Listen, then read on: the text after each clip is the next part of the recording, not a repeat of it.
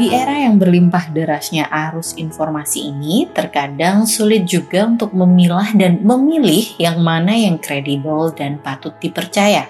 Belum lagi rasa hati yang ingin ikut berpendapat dan berkomentar. Bagaimana cara yang tepat untuk menyikapi berita, gosip, dan media? Itulah yang akan kita bahas di VIP Talks Vinka Ipip Pillow Talks.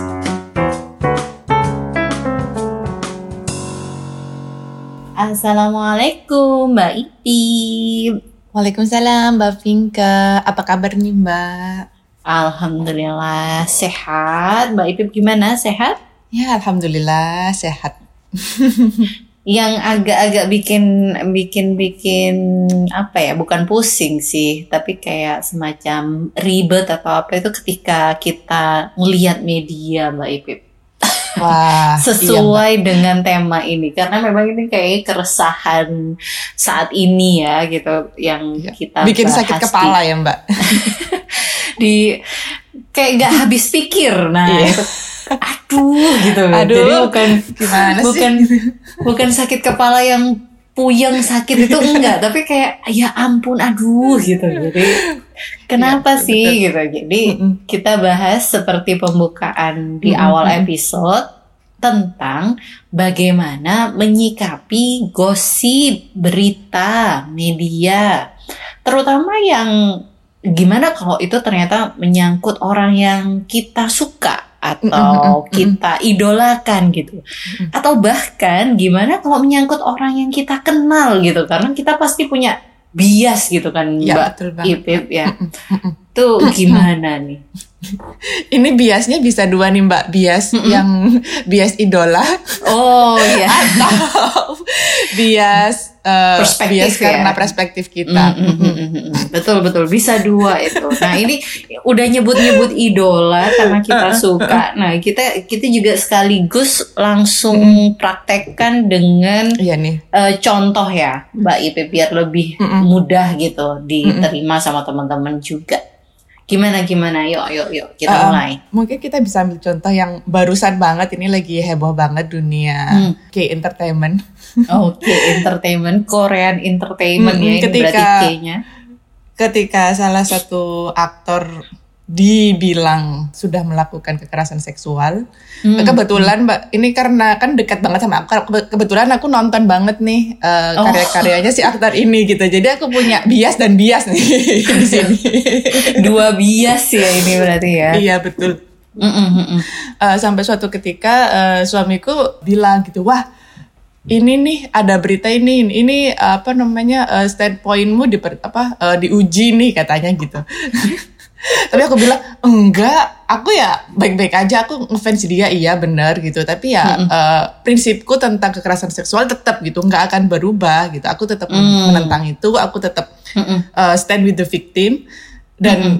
ya memang sih itu kayak apa ya mbak perasaan kayak kaget ha mm -hmm. mm -hmm. waduh gitu itu ada sih ada ada juga gitu karena kan mm -hmm ya mungkin kadang ketika kita suka atau ketika kita kenal sama orang yang diberitakan itu pasti ada muncul sisi subjektif kan jadi kita pasti yeah. merasa hah oh wow gitu ya oh oke okay. ya ampun masa gitu ya sih gitu. oh ini nggak gitu deh reaksi pertama itu jelas kayak gitu ya mbak jadi mm, aku mm. kalau aku sendiri aku merasa oh oke okay, gitu aku ngasih diriku waktu lah untuk istilahnya entah berduka atau kaget atau mm -hmm, uh, kayak gimana gitu. Baru setelah itu aku bisa berpikir kayak objektif. Oke, okay, ini kekerasan seksual. Karena kan apa menyuruh atau memaksa untuk aborsi kan salah satu kekerasan seksual ya.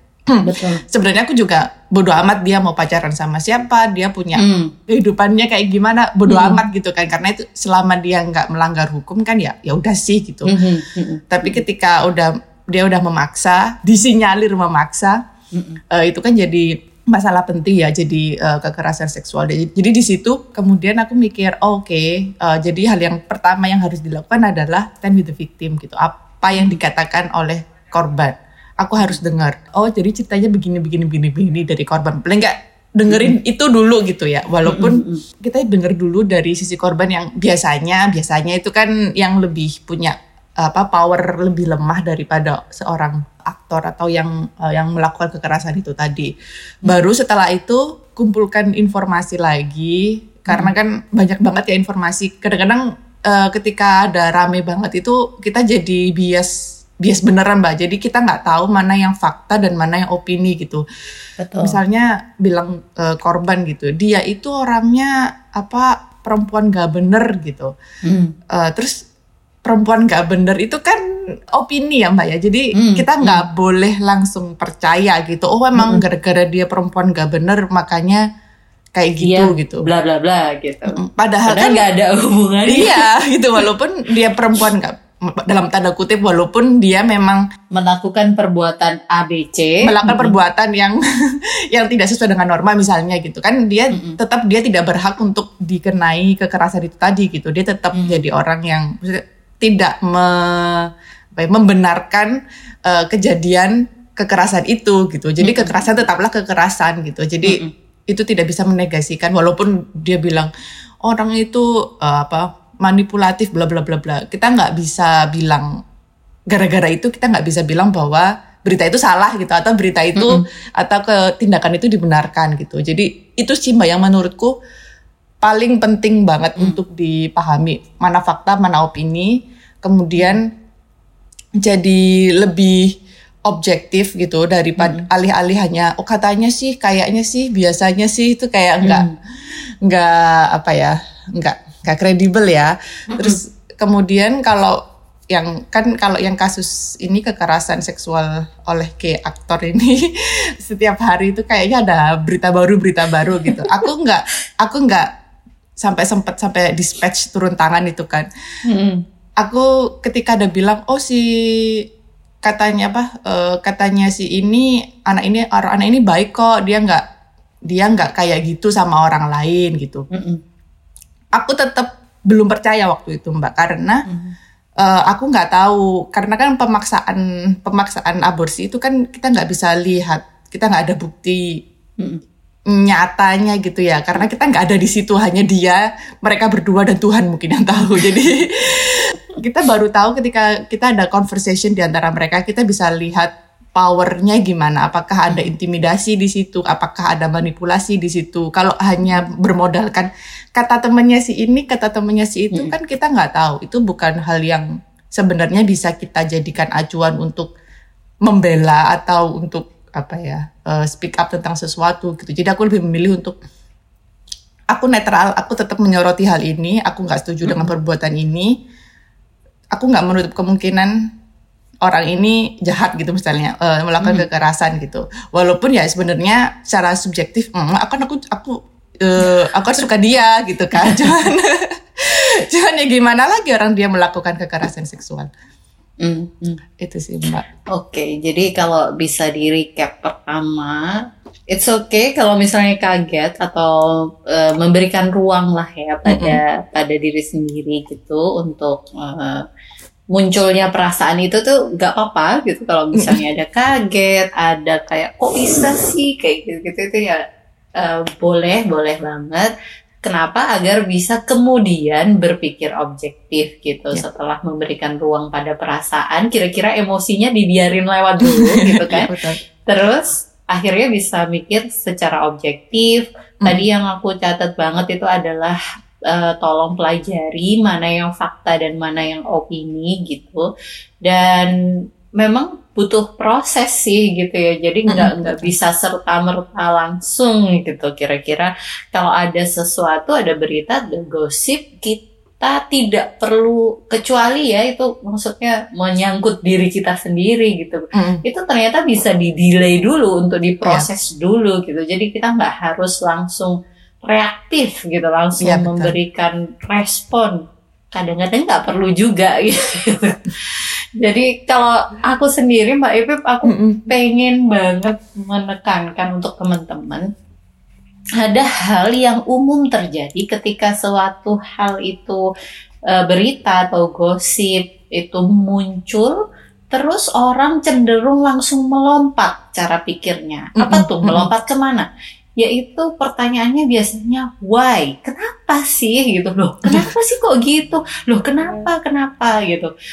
Atau uh, kok bisa uh, how come? How come itu kok bisa. kok bisa ya ya? Kok bisa ya? Kok bisa kayak gitu? Gitu. padahal kedua pertanyaan ini mm -hmm. itu sering kali nggak ada jawabannya gitu. Nggak mungkin terjawab oleh berita yang pertama langsung keluar terus udah ada jawaban itu itu hampir hampir hampir jarang banget gitu. Uh, hal ini tuh membuat uh, di kepala kita, mindset kita kalau terbiasa langsung bertanya kenapa dan juga how come itu uh, jadi asumsi. Kenapa asumsi?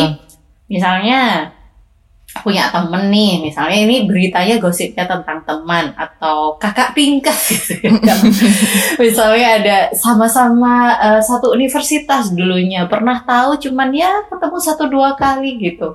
Ketika kita bertanya uh, why atau how come akan kembali ke asumsi subjektif kita. Loh, dulu yeah. aku ketemu sama dia orangnya sih baik-baik aja. Padahal mm, itu kayak cuman pertemuan satu dua kali saja yang tidak mm. bisa dijadikan dasar gitu mm -hmm. atas sesuatu hal yang luar biasa yang terjadi. Luar biasa ini bisa kejadian kriminal kayak bisa mm -hmm. misalnya itu tadi kekerasan seksual atau apa itu nggak bisa dikembalikan ke dasar ke yang biasa-biasa aja itu hal yang nggak biasa gitu.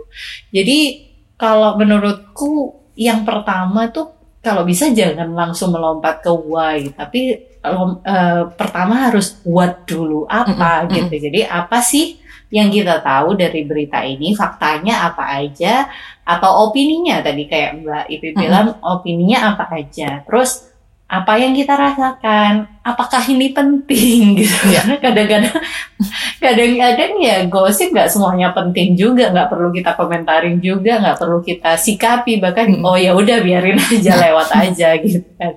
Dan apa yang bisa kita lakukan. Menurutku itu jauh-jauh hmm. lebih produktif dibanding kita uh, terus-terusan why gitu. Kenapa sih kok orang-orang itu jahat banget sama aktor K dibilang bla bla bla gitu. Karena kan why why why why why why why why why why why why why why itu udah udah salah dari awal gitu kan menurutku kejauhan gitu jangan jangan jangan melompat gitu hmm. itu mbak ibu menurut dan ya aku uh, menggarisbawahi banget ya mbak penting banget untuk kita misalnya kita berpikir itu harus kayak terstruktur gitu ya misalnya Runtut. ketika uh, ketika hal pertama yang kita pertanyakan adalah why dan how come itu berarti kan biasanya jawaban why atau how come itu kan tentang proses ya mbak ya mm. biasanya biasanya tentang mm. proses atau sebab dan akibat ini bahasa Indonesia banget ya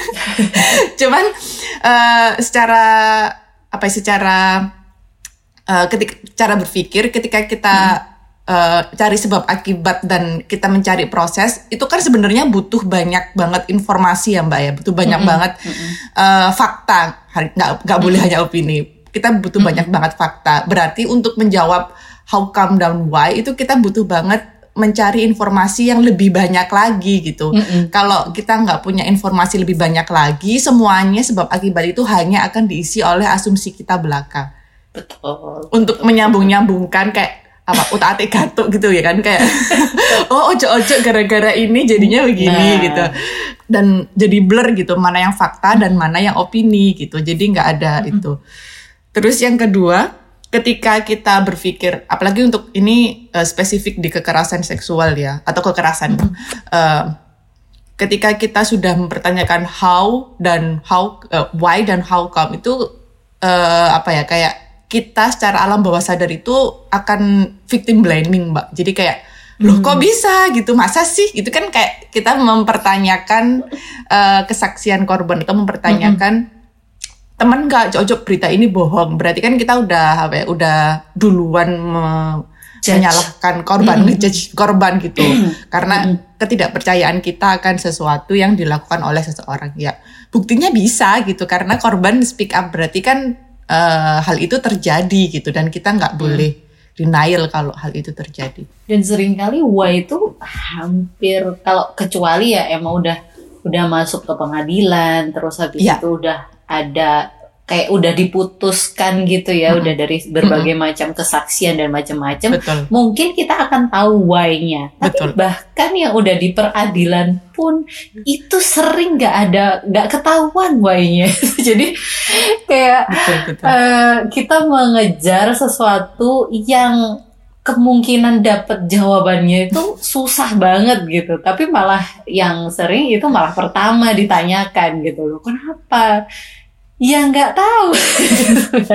Kok bisa gitu? Ya, bisa. Ya nggak tahu juga. Ya orang kejadian udah, gitu. Iya buktinya udah kejadian gitu. Jadi uh, sebagai orang luar gitu ya, maksudnya kalau misalnya ini sesuatu yang di luar itu ya ya sudah jangan mulai dari situ dulu kalau mau mm -hmm. mau menyikapi berita mau menyikapi gosip jangan mulai dari pertanyaan dua pertanyaan tersebut tapi mulai dari apa dulu deh gitu daripada nanti malah akhirnya blur hmm. salah mindset juga yang dipakai. Kita langsung ke pertanyaan selanjutnya aja Mbak Ibib. Biasanya hmm. kalau di VIP Talks kita pengen uh, sesuatu yang praktikal. Kira-kira ketika orang-orang teman-teman mendengarkan hmm. VIP Talks, uh, terus kita gimana harusnya gitu? Hmm. Ada nggak sih sebenarnya at least kayak prinsip-prinsip gitu ya? Atau kira-kira apa ya? Uh, tips and trick gitu dalam menyaring informasi Mbak Ikut?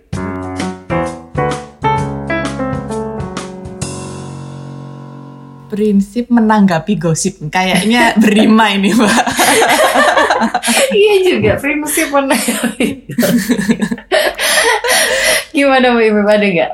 Um, Uh, kalau aku sih mungkin ini ada ini mbak ya apa uh, sedikit-sedikit ilmu dari dulu kuliah jurnal listik boleh boleh boleh kayak mm, ya mungkin ini kalau kita kita sebagai orang yang udah sering di bidang ini mungkin itu kan ya iyalah kita harusnya kayak gitu gitu kayak hmm. sebuah uh, obvious kita kayak udah obvious gitu cuman mungkin hmm. bagi orang-orang ini masih hal yang perlu dilatih juga skillnya hmm. um, ada beberapa hal sih mbak yang aku catat mungkin hmm. yang bisa dipraktekkan kayak cek kredibilitas uh, berita hmm. itu apakah benar siapa yang ngomong apakah dari orang yang terpercaya gitu hmm. kemudian balik lagi ke tadi harus bisa memetakan mana yang fakta dan mana yang opini hmm. karena fakta itu biasanya objektif opini ini yang sangat-sangat subjektif gitu dan kadang membutakan mata kita. Dan kita harus um, berimbang maksudnya harus uh, cover both sides. Kita hmm. setelah kita mendengarkan apa dari misalnya dari sisi ini oke okay, kita dengarkan lagi dari sisi sini. Tapi ketika ada kasus uh, kekerasan sebenarnya emang agak sulit untuk berimbang karena sebenarnya kita harus lebih condong ke arah korban kan. Tapi misalnya paham, ketika paham. kasus atau gosipnya itu bukan tentang kekerasan, jadi lebih ke arah hal yang oh dia tuh pacaran gak sih, dia putus gak sih, nah misalnya gitu itu gosip-gosip yang misalnya ringan uh, lah ya. Ringan ya gitu. Ketika kita untuk gosip atau berita tentang kekerasan seksual, kekerasan pembunuhan, uh, terus kemudian opresi sistem lah. Itu kan agak berat gitu. Biasanya itu berimbangnya itu mungkin uh, agak beda ya caranya mm -hmm. itu karena biasanya media atau biasanya uh, wacana itu akan berpihak pada orang yang lebih punya power di situ jadi kita lebih mm. harus lebih skeptis dan harus kritis ya mbak untuk melihat kira-kira sebenarnya ini siapa sih yang uh, perhatiannya itu harus difokuskan ke mana sih gitu mm. dan skeptis jadi nggak mudah langsung percaya sama sesuatu gitu boleh kita ngomong masa sih nah tapi itu masa sihnya itu bukan ke kasusnya tapi masa sih ke apa yang ditulis oleh atau apa yang dikatakan oleh si orang itu gitu atau hmm, dikatakan berita okay, itu okay, gitu. okay. jadi uh, masa sih mana buktimu gitu masa sih uh, kamu bicara kayak gitu itu udah benar apa belum gitu kayak lebih mempertanyakan apakah berita yang dikatakan media mm -hmm. ini tuh benar. Jadi kita lebih apa ya? Jadi kayak ada ruang untuk kita untuk cari berita-berita lagi. Oh, oh untuk cross check apakah ini udah benar, apakah ini kira-kira hoax atau kayak gimana gitu. Jadi kita apa ya kayak bisa cari referensi lain gitu loh. Karena kalau kita mm -hmm. langsung percaya pada satu berita kan ya udah berhenti di situ pencarian kita gitu itu juga penting terus ini ada satu catatan yang aku tulis kayak udah kayak ini banget. Adil sejak dalam pikiran itu ini siapa mbak? Pramudia bukan? Iya Pramudia. Adil sejak dalam pikiran. Setelah kepikir-pikir ini kadang kita itu sulit banget. Sulit banget.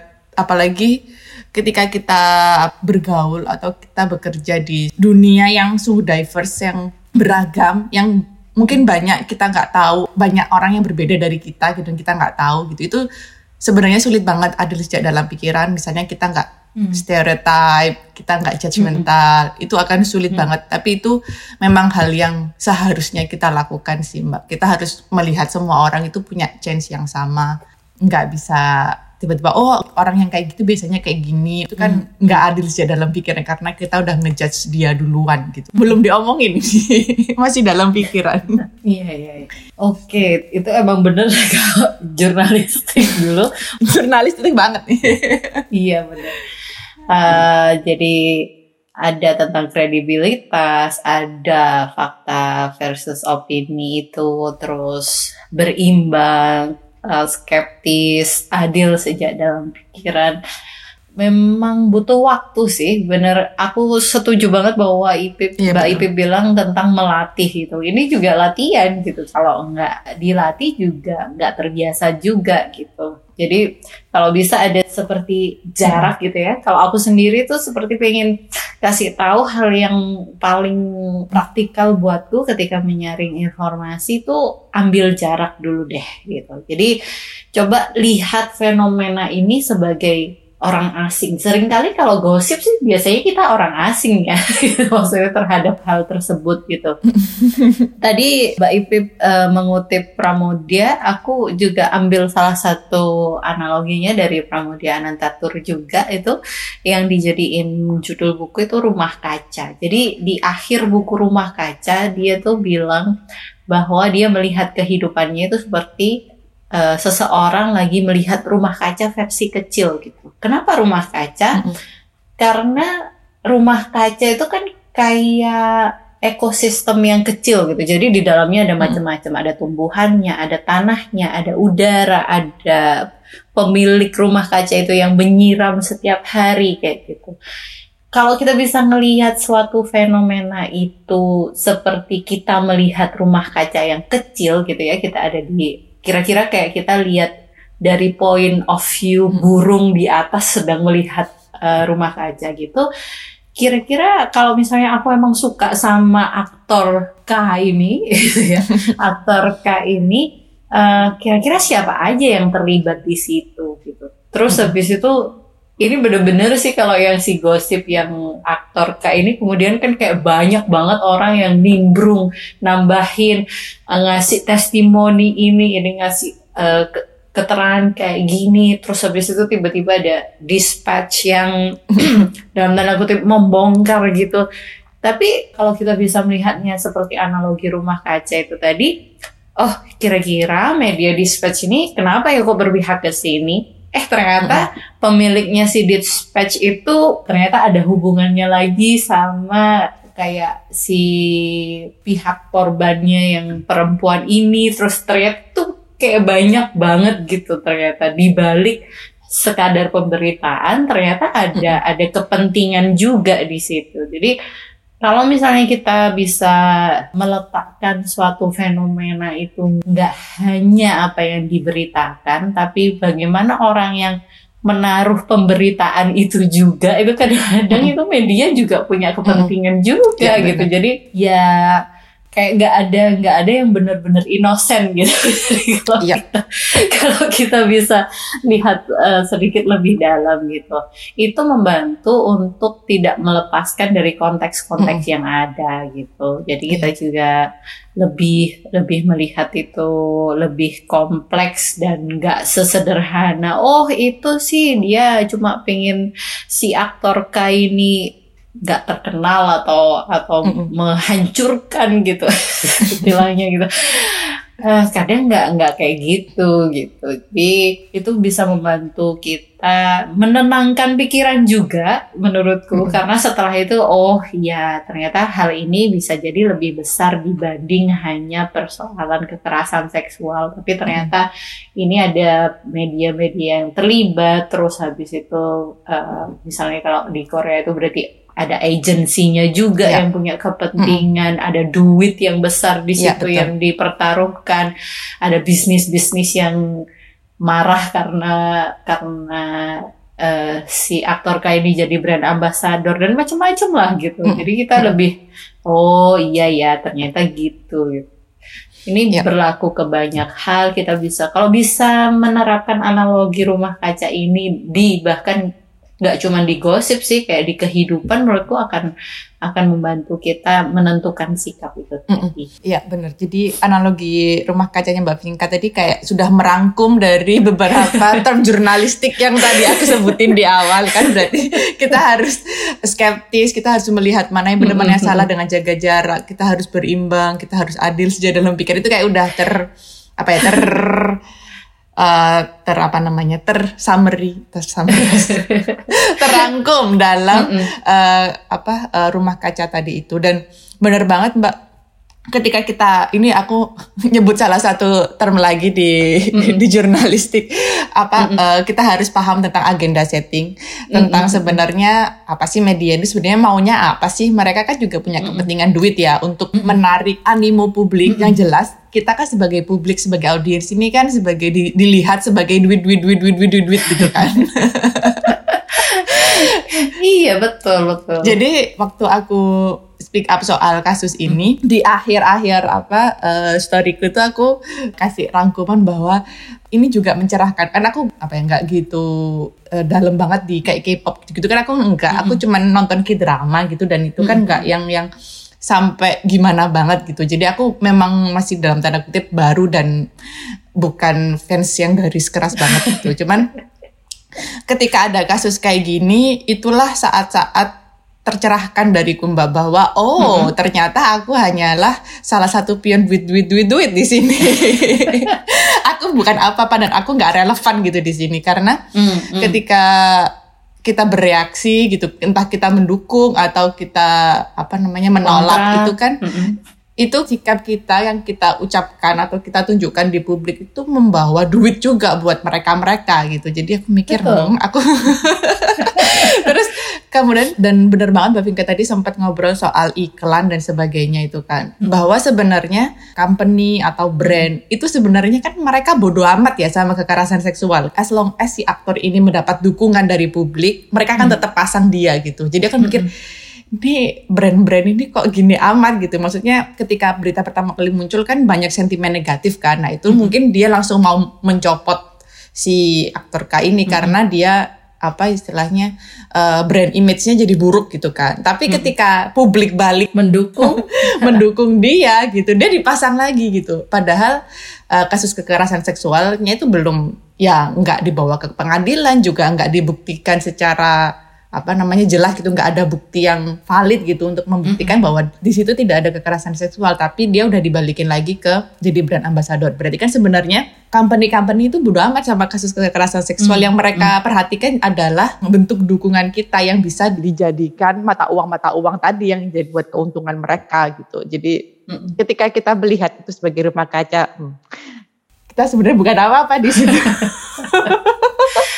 yang dijual sebenarnya kan perhatian kita gitu betul, kalau betul bahasa sekali. Inggrisnya eyeball kan sekarang mm -hmm. yang yang di apa ya uh, misalnya media semakin banyak yang baca berita di websitenya um, maka advertisement yang ada di website tersebut dilihat semakin banyak orang maka itu adalah um, kesempatan buat media itu dapat duit yang lebih banyak lagi dari Betul. dari pemasang iklan gitu kan. Itu hmm. kalau dilihat ya ngeri juga gitu bahwa oh ternyata semua ini ujung-ujungnya ada yang menduitkan gitu kan.